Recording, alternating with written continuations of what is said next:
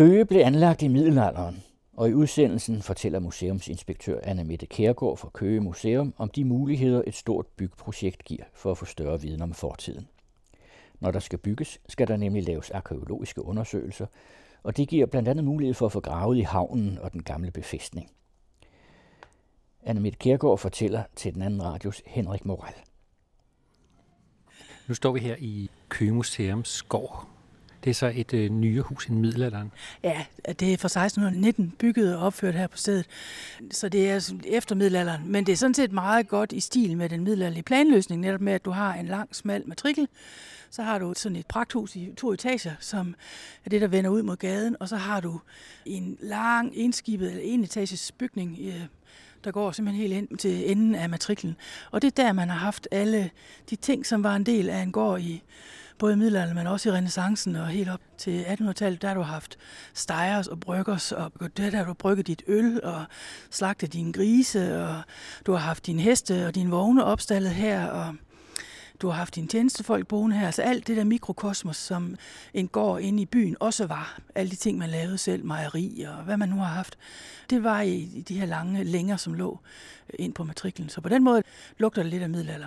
Ellers, så, hvis man skal finde middelalder i Køge, så ud over en lille bygning, en lille øh, udlejningsbolig, som ligger om ved biblioteket, som er fra slutningen af 1400-tallet, så er det primært byplanen. Det er den, som lugter rigtig meget af middelalder.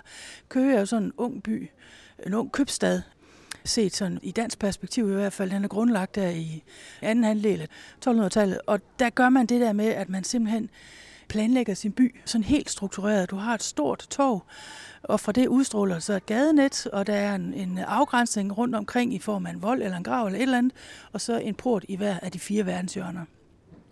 Og faktisk står vi lige ved torvet, og det torv, det er det samme torv i udstrækning, som der også er fra starten. Det er det lige præcis, og det har samme størrelse. Det er et af de største torve i Danmark øh, for den her periode. Og de gravninger, der er lavet på det, viser, at der ikke har været nogen form for bebyggelse på det, og det har haft den størrelse altid. Man bliver nogle gange lidt overrasket over bredden af gaderne eller størrelsen af torvet, og den er altså intakt bevaret her i byen. Og gadenettet er også øh, intakt stort set. Byportene findes jo ikke længere, men når man ser på, hvordan byportene har set ud, så har de jo været alt for små, og nu hvor vi har fået biler, kan man slet ikke øh, forestille sig, at en by eksisterer med dem. Men hvis man går en tur i Køge, så vil man i hvert fald kunne se Sønderport og Vesterport afsat i belægningen som sådan en figur, der ser lidt anderledes ud i brostenene, så man kan se, hvor de oprindelige byporte de har været. Og så er der selvfølgelig en havn. En købstad er jo afhængig af handel, og som sådan så er man afhængig af, at man kan få fragtet varer ud og ind. Så, så der har også været til en havn i den sydlige ende af byen. Så helt klassisk middelalder schema. Og Køge er en af de byer, som er grundlagt og bygget ud fra starten af på en bestemt måde, og ikke en, som bare er organisk vokset op for en landsby. Helt præcis. Den er ikke vokset op omkring en allerede eksisterende infrastruktur, eller som Ribe, eller Aarhus, eller Odense, eller nogle af de her gamle byer, som er vokset op omkring det eksisterende vejnet, eller en eksisterende handelsplads, eller hvad det nu kunne være. Det er også helt typisk for sådan en sen by, at den har ikke ret mange kirkelige institutioner. Man havde en helt anden sovnestruktur, og et andet formål med at grundlægge kirker dengang. Så de der meget gamle byer, de meget gamle købsteder i Danmark, de har rigtig, rigtig, rigtig mange kirker. Mange små kirker, de ligger ikke altid sådan, så vi kan gøre hovedet af i, hvorfor de ligger, hvor de ligger. Det er også planlagt her i Køge. En stor sovnekirke, og så har der været to klostre, som er kommet sent. Altså, der er jo danske købsteder med 10 sovnekirker, 12 sovnekirker og 3, 4, 5 klostre og sådan noget. Så på den måde er Køge sådan parcelhuskvarter i, i købstadssammenhæng, kan man nærmest sige. Så struktureret er den. Men selvom Køge er vokset meget befolkningsmæssigt igennem middelalderen, så er det stadigvæk inden for de samme rammer. Ja, det er det. Den har en lille udvækst mod nord, altså hvor man kan se, at den nordlige port flytter lidt ud, men man holder sig inden for voldene. Og nu siger du, at den har en tilvækst. Det har den også, men den får sådan nogle voldsomme tilbageslag. Der er nogle store brænde i slutningen af 1500-tallet, som trækker tænder ud, og så ikke mindst svenske krigene gør altså også sit til, at der kommer en nedgang både i bygningsmasse, men også i befolkningen. Der er jo nogen, der går til, og nogen, der flytter fra byen simpelthen, fordi den bliver besat af svenskerne over den her periode på to år og bliver til en svensk befæstning og svensk militærlejr, mere end det bliver en købstad faktisk i virkeligheden den periode. Og så har vi en nedgang, der fortsætter ind til midten af 1800-tallet. Ja, stort set. Det hænger også sammen med, at det ikke går godt med havnen. Altså Køge Havn er jo sådan et Sisyfos-projekt med Køgehavn, altså med, at den sander til hele tiden. Og det gør den i middelalderen, og derfor så flytter man den ud i 1400-tallet ud i havnen, men den bliver stadigvæk ved med at sande til. Der er simpelthen så mange skriftlige kilder, der handler om oprensning og genopretning og restaurering af Køgehavn. Og det bliver ved helt op i 1600-1700-årene, så det er først, at man i 1809 anlægger den havn, som dybest set er den, vi har i dag, at det finder sit leje, og så kommer banen, og der sker rigtig mange ting, og der sker en industriel udvikling, som gør, at Køge for alvor helt glemmer alt om at være middelalderby og vokser ud. Når vi snakker om Køge og anlæggelsen af Køge, så hænger det sig meget sammen med, hvor man kunne lægge en havn. Helt klart. Altså, byen er jo kongeligt anlagt på kongeligt initiativ, og det var hans ønske at få endnu en havn ud til Øresund og til Østersøområdet til udskibning dels af sildefangster, men især af korn fra det her område. Det var selvfølgelig udskibning, men også at man kunne få en havn, hvor man kunne lande tømmer og hvad der ellers kom sydfra. Og det er derfor, at borgerne i Køge de får øh, rigtig gode kongelige privilegier simpelthen for at flytte hertil, fordi der var ingenting. Der var simpelthen øh, strandeng, og man kan også se, at det har været sådan lidt farfuldt at bo her. Man kan se, at der jævnligt sker oversvømmelser. Toppen af torvet i Køge, det ligger i kode 2,5 meter eller sådan noget, så man kan godt forestille sig, at det har været et, et ikke ukendt fænomen at få våde fødder i Køge. Det var spritnyt, da de flyttede her til Køge, så det er en del af en opbygning af en infrastruktur, som man har brug for til udskibning og til landing af hans varer. Så når man øh, laver udgravninger i Køge, så har havnen også en stor betydning, og det er, at man er en købstad. Helt klart, altså det betyder rigtig meget. Og vi vil rigtig gerne grave meget mere af den, end vi kan. Fordi der er ingen tvivl om, at de ting, som man finder i forbindelse med havneløbene, det er sådan et meget godt snapshot af, hvad man har fragtet ud og ind af sådan en havn de handelsvarer, som du enten kører til Køge for at udskifte, og de varer, som øh, tilsvarende lander, at de bliver solgt et eller andet sted. Så det er faktisk ikke så meget i selve byen, at du finder rigtig mange af de ting, som er passeret gennem Køge. Dem finder du, når de har tabt dem ud over kanten af skibet, eller hvor de nu har været. Så vi vil rigtig gerne grave mere havn, end vi har gjort indtil nu. Så vi glæder os rigtig meget til, at vi i den kontekst, som hedder projekt Køge Kyst, skal i gang med at grave underføringen i 2018 hvor vi vil få nogle udgravninger af selve havnebassinet. I løbet af 18 skal vi også ud og grave i det areal, som hedder Sønderhavn, som ligger um, i udkanten af Køge faktisk, uden for den middelalderlige by. Sønderhavns projektet, dele af det ligger i et område, som indtil 1809 var hav. Og det er sådan, at sådan nogle områder, sandbanker ved indsejling til en middelalderlig havn, det er et højrisikoområde for brag. Så det er simpelthen det, vi skal ud og lede efter i forbindelse med, at der skal laves nye byggerier derude, hvor man skal grave en pæn del af jorden af og ned i sandlagene. Så skal vi ud og se, om vi kan finde øh, eventuelle vrag. Og der er jo ikke nogen systematik i, hvordan et skib går på grund, i hvert fald ikke i sådan en indsejling som Køge, hvor sandet flytter sig ret meget efter øh, strømninger og stormfloder og andet godt og sikkert også, hvor fuld kaptajn eventuelt har været eller ikke har været. Der kan være rigtig mange ting, som gør, at et skib det strander.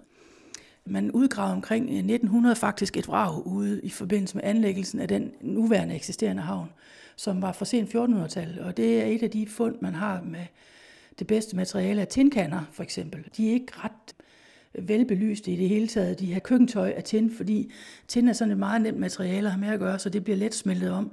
Så når vi har skulle formidle historien om det, har det faktisk været relativt svært at finde materiale, der kunne fortælle om 1400-tals tintøj, fordi man har ikke ret meget af det. Der var en del bronzefade og andet godt sådan noget, så vi ville rigtig gerne ud og finde bunden af et vrag med nogle handelsvarer liggende i, ude på de der arealer. Så 18 bliver et spændende år med mange forskellige typer udgravninger, vi skal have fat i. Det er sådan et omfattende byggeri. Ja, hele projekt Køge Kyst er sådan et meget stort byudviklingsprojekt. Der er både omlægning af infrastruktur, altså man flytter nogle veje, og det er man færdig med stort set. Man laver også to underføringer under banen, så man kan binde nogle bykvarterer sammen. Den nordlige vejtunnel er allerede lavet, og så skal vi så grave, have udgravninger i forbindelse med den sydlige. Vi var også op og kigge i forbindelse med den nordlige, men fordi det ligger uden for den middelalderlige by, det var mest havsand, der var tilført efter sidste istid, så har der ikke været så meget arkeologi deroppe. Det forventer vi til gengæld, at der kommer her med en sydlig underføring, for det er den underføring, som skal forbinde den østlige del af byen med, med havnen. Og der ved vi, at der kommer både noget af byen, der kommer noget af den svenske befæstning, der kommer noget af den middelalderlige befæstning, og så kommer der dele af 1400-talshavnen, og sikkert også de yngre faser af havnen. Så det er noget, vi ser frem til som en arkeologisk opgave. Så skal de jo også lave forskellige typer boliger. Det er det, der skal ske nede ved Sønderhavn, og der skal bygges sådan nogle store lejlighedskomplekser. Og det er derfor, de skal grave ud i det marine sand, hvor vi skal ned og kigge efter varv. Køge Kyst, det startede jo som et projekt og et selskab, der blev dannet i 2011, og man gik så i gang med de første byggerier i 14, og man bliver nok først færdig med de sidste byggerier i løbet af 20, 21, 22 måske. Det ved de mere om nede på Køge Kyst. Vi kommer jo ind som de første, fordi vi fra starten af har haft den her tætte dialog både med Køge Kyst, men også med de enkelte bygherrer for de enkelte projekter. Så vi er jo tit nogle af de første, der kommer ind. Så det er ikke altid, jeg kender ikke alle detaljerne for de enkelte byggeprojekter, hvornår de er fuldført, fordi der er vi for længst ude af området og har ligesom lavet vores del af opgaven. Så, så der skal man spørge Køge Kyst. Men øh, vi regner med, at vi nok har arkeologiske opgaver i 18 og 19, tror jeg. Og det er så bygherren, der kommer til at betale det? Det er det, og det er jo mange forskellige bygherrer. Køge Kyst har betalt for det, som hedder forundersøgelserne, og det er fordi, at det er Køge Kyst, der sælger grundene, og for at de kan gå ind og være troværdige i forhold til bygherre om, hvilke udgifter er forbundet med at købe og bygge her, så har Køge Kyst simpelthen øh, betalt for forundersøgelsen af de her områder, sådan at man på forhånd i hele salgsprocessen har vist, hvad kan man forvente af arkeologiske væsentlige fortidsminder, og hvad kan man forvente i forhold til både tid og økonomi omkring udgravning. Også sådan, at bygherrer har haft muligheden for faktisk at ændre på sit projekt, sådan at man kunne bevare en større del af fortidsminderne. Fordi det er faktisk en væsentlig opgave, vi har som museum eller som øh, ansvarshavende arkeologisk myndighed, at, at arbejde på at bevare så meget som muligt af de væsentlige fortidsminder mod destruktion. Så det bruger vi meget krudt på at være i dialog med bygherrer om, hvordan projektet kan udformes, sådan at man får forstyrret mindst muligt. Men der er jo bare nogle gange, der skal jo være elevatorer, der skal jo være tracere grøfter til øh, kloakering og til vand og sådan nogle ting. Det, der er jo nogle ting, som man ikke kan løfte op over jorden. Og det er ikke fordi, vi ikke vil grave, det vil vi meget, meget gerne, men øh, der er to grunde. For det første, så er vi jo enige med dem, der har lavet den nuværende museumslov i, at fortidsminderne er ikke en udtømmelig ressource, og derfor er vi nødt til at prøve at bevare så meget af den, som vi kan. Fordi øh, om 30 år er det nogle anderledes dygtige arkeologer. Men vi ved også godt, at det koster også penge for bygherrer. Så det er jo ikke vores mål at stå i vejen for byudviklingen. Vores mål er at varetage forvaltningen og arbejde med de, de væsentlige forholdsminder bedst muligt. Og hvis det betyder, at vi kan vejlede bygherrer i, hvordan han kan spare lidt kroner, så er det jo bare dobbelt bonus. Nu talte du om sådan noget som befæstningen. Mm. Har I så nogle spørgsmål, som I gerne ville have besvaret på forhånd? Masser. Næsten ikke andet. Kunne du ikke lige prøve at forklare om, øh, hvordan er det Køge bys befæstning er? Ja, det er nemlig et rigtig, rigtig godt spørgsmål. Før vi begyndte på Køge projektet der kendte man til befæstning fra nogle gravninger ved Lovby og en enkelt grøft ned mod syd. Det har så vist sig, som det rigtig ofte gør, at når du får fladet flere felter, så er det ikke sådan, at så får du bare 10 ens svar på det ene spørgsmål, du havde. Du får faktisk 10 nye spørgsmål til det her, og sådan har det også været i det her tilfælde. Det vi vidste om, og det vi mente at vide om befæstningen før, var, at der var tale om en øh, voldgrav, som ikke var særlig dyb. Det giver jo lidt sig selv. Altså, der er vand nok her i forvejen, og der er sumpet nok i forvejen. Og så en vold øh, bestående af tørv, man har hentet et eller andet sted fra. Noget hegn, som man sådan har brugt til at sikre forløbene, og brugt til at stable tørvene op imod, så man ikke fik udskrid ned i det her. Og så en voldkerne under den her tørv bestående af det sand, som man har gravet op for voldgraven. Det er også det, vi finder, når vi graver i Vestbyen. Men vi har så arbejdet meget intensivt med dateringen af de her ting, fordi at vi har gravet nord-syd orienteret smalle tracéer. Det vil sige, at vi ikke har haft et langt snit vinkelret på anlægget. Fordelen ved at have et langt snit vinkelret på anlægget, det er, at du får hele voldgraven og volden i samme hug. Og det vil sige, at du har mulighed for at indsamle daterende genstande fra de forskellige lag. Når du graver noget, som har samme længderetning som befæstningen, så der hvor den, det snit det bliver lagt, den grøft den bliver lagt i befæstningen, er jo meget afgørende for, hvad du i virkeligheden har. Og mange af vores grøfter har jo ligget sådan, at det vi har fat i er ikke voldgraven, hvor det daterende materiale typisk vil være i form af, at man har smidt affald ud, når man har sløjfet voldgraven eller brugt den til affaldsdeponi, eller hvad man nu har gjort. Så vi har i stedet for haft de her rækker af tørv og af pælerækker. Og de pælerækker har været af en, en type, så vi ikke kunne lave præcise dateringer. Hvis det nu havde været rigtig godt stort tømmer, så kunne man have lavet en dendrodatering på dem, og så havde man haft en god sikker datering. Det har vi ikke haft mulighed for. Vi har så til gengæld gjort noget andet. Det man så kunne gøre, det var, at man kunne lave en C14-datering. så får du så ligesom et spot på den her kurve, hvor det så kan være. Vi har så i samarbejde med Dendro-laboratoriet her i, i Danmark, har vi så lavet det, som man kalder for Wickelmatch-dateringer. Og det man i princippet gør, det er, at man går ind af den her lille tynde pæl, som er for lille til at lave dendrodatering på, og sikkert også er en trætype, hvor man ikke har en god nok kurve nødvendigvis, så går vi ind og laver en C14-dateringer af forskellige steder på den her dendrokurve. Og det vil sige, at man nok ikke får den lange kurve, som gør, at man præcis kan datere den, men fordi man får 5 C14-dateringer, så kan man så indsnævre datering af det her. Det vil sige, at du får sådan en kombination af C14 og dendrodatering. Det er jo en lang teknisk forklaring. Fidusen ved den er, at du kan få en mere præcis C14-datering i virkeligheden. Den er ikke så præcis som en dendrodatering, men hvis du er heldig, er den mere præcis end en C14-datering. Og det de viser, alle de der dateringer, vi har fået lavet, det er, at det er meget mere dynamisk, end man har troet helt til. Og det er egentlig ikke mærkeligt, når man tænker sig om. Fordi sådan en befæstning, som er lavet af opgravet havsand og tørv og et tyndt fletværk, han er, fordi det er det, det har været. Det har været pæle, som ikke har været tykkere end min arm, med fletværk ind imellem og sådan ting. Den har ikke en lang levetid. Så hvis man har følt sig truet, eller hvad man nu har villet, eller man har følt, at nu er køerne igen brudt igennem den, eller hvad de har gjort, så har man repareret på dem. Så det er sådan set ikke så mærkeligt. Det gør det bare ikke nemmere i forhold til at sige, hvor gammel er den. Altså har vi fat i en reparation, eller har vi fat i øh, det allerældste af den? Og for at man kan sige det, skal man grave rigtig meget af den. Og det har vi ikke haft mulighed for at gøre endnu. Når det så også er sagt, så er der jo det her med, at svenskerne de rykker ind i byen i øh, 1658. Og vi ved, at de selv planlægger at bygge et stort bastionært værk, som man jo gør ude i Europa med store jordværker og alt muligt andet. Og man mener faktisk også, at man kan se dele af den bevaret i nogle af de vandområder, man ved har været uden for Køge. Vi har ikke den rygende revolver i forhold til den svenske befæstning her i den vestlige del af byen. Vi tror, vi kan se den nogle steder, og vi har også noget, som dateres til den svenske befæstning. Den ser bare ikke sådan ud, som de selv sagde, at de byggede den.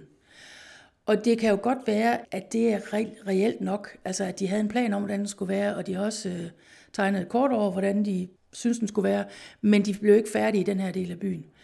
Eller også så blev de, og så blev den bare ikke helt ligesom de havde planlagt, den skulle være. Vi ved også fra skriftlige kilder, at da svenskerne de rykker ind i 1658, så nedriver de dele af byen for at genanvende de materialer, de, de hiver ud af middelalderbyen i den her befæstning. Og det gør jo også, at vi kan godt nå, at det tømmer, vi finder, det i virkeligheden har en væsentlig højere alder, fordi det er fra et hus, som er fra 1400-tallet, som man så har væltet for at kunne opbygge det her befæstning.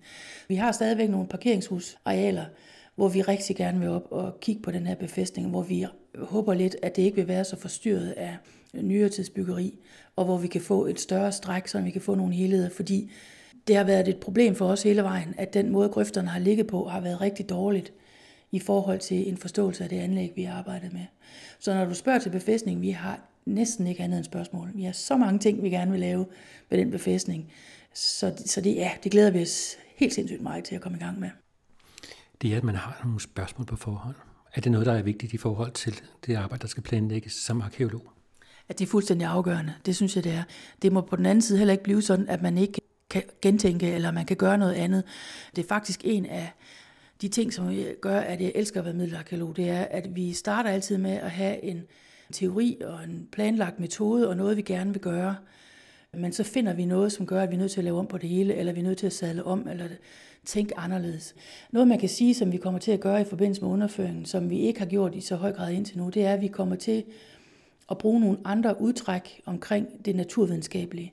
Det vi har gjort indtil nu er, at vi har taget rigtig mange jordprøver, som, hvor vi har kigget på makrofossiler. Makrofossiler er bevaret frø og kerner og plantedele og rester af knogler og alt muligt andet. Det vi gerne vil kigge på, det har været både noget omkring det naturlige, altså hvad er det for nogle planter, der har været her? Er det græsser? Er det havplanter? Hvad er det for noget? Er det ferskvand, brakvand, saltvand? Hvad er det for nogle miljøer, det her handler om? Vi også gerne vil kigge på det kulturelt afsatte islat af makrofossilerne. Altså hvad er det for nogle fiskebindsknogler? Hvad er det for nogle korn? Hvad er det for nogle frøkerner? Hvad er det for noget, man har spist? Og det vil vi også blive ved med, men vi vil også få kigget på sådan noget, som hedder parasitologi, altså hvor man kigger på de æg, øh, som, ja, det bliver lydet lidt ulækkert, men det er det faktisk overhovedet ikke, men vil kigge på de æg, som indvoldsorm lægger. Det er sådan, at øh, vi har forskellige typer indvoldsorm øh, hos mennesker, hos får, hos grise, hos køer. Nogle af dem er de samme, men nogle er også øh, artsspecifikke.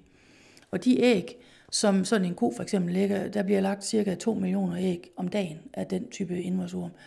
De er meget holdbare og meget øh, nemme at finde, men det kræver faktisk, at man skal ned på det, der hedder pollenniveau. Altså makrofossil, der kan du faktisk sidde og sortere med gode øjne eller øh, en lup. Men når du skal ned og kigge på æg fra øh, parasitter og den type ting, så skal du ned i mikroniveau. Så det vil vi have fået lavet den her gang, så vi kan kigge på, om det er græsningsarealer, om man har spist råt kød, eller det har været forarbejdet kød, fordi man har rigtig gode resultater fra Europa, hvor man kigger på den type ting. Og jeg vil også sige, at det der med at få kigge på, hvad det er for en type dyr, der har gået og græsset, det er noget, som jeg godt kunne tænke mig, fordi vi finder faktisk ikke så mange dyreknogler. Så det kunne være ret spændende at se, hvad er det så for nogle dyr, der man har holdt. Altså er det forhold, er det køer, hvad er det for noget? Det er den ene ting, som vi vil gøre, ud over det, vi har gjort indtil nu.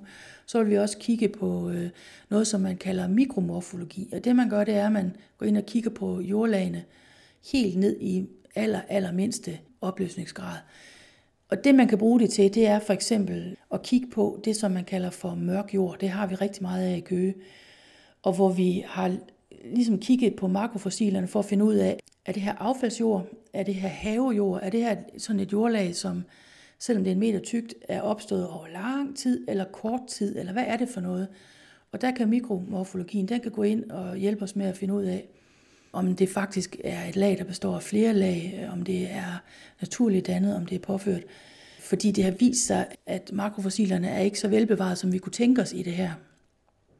Normalt vil det være sådan, at, at i sådan nogle lag, så vil makrofossilerne være så velbevaret, at du vil kunne se for eksempel, om det er et på stedet dannet naturligt voksende havejordslag, som simpelthen bare vokser op af. Du vil kunne se på plantestængler og andet godt, hvad det handler om. Og det har det ikke været godt nok bevaret til, så der skal vi kigge på lidt mikromorfologi den her gang. Og hvad vi så i øvrigt ellers falder over, fordi det er nemlig det, der er det spændende. Vi har altid nogle forventninger, vi har nogle spørgsmål, og vi har nogle teorier. Men det går heldigvis aldrig helt som planlagt. Og det er det spændende ved det jo, kan man sige, og udfordringen i det. Udsendelsen var tilrettelagt af Henrik Moral og er en del af den anden radioserie Museer skaber viden. På den anden radios hjemmeside kan man finde flere udsendelser, hvor Anne Mette Kærgaard fortæller om middelalderen. Den anden radio.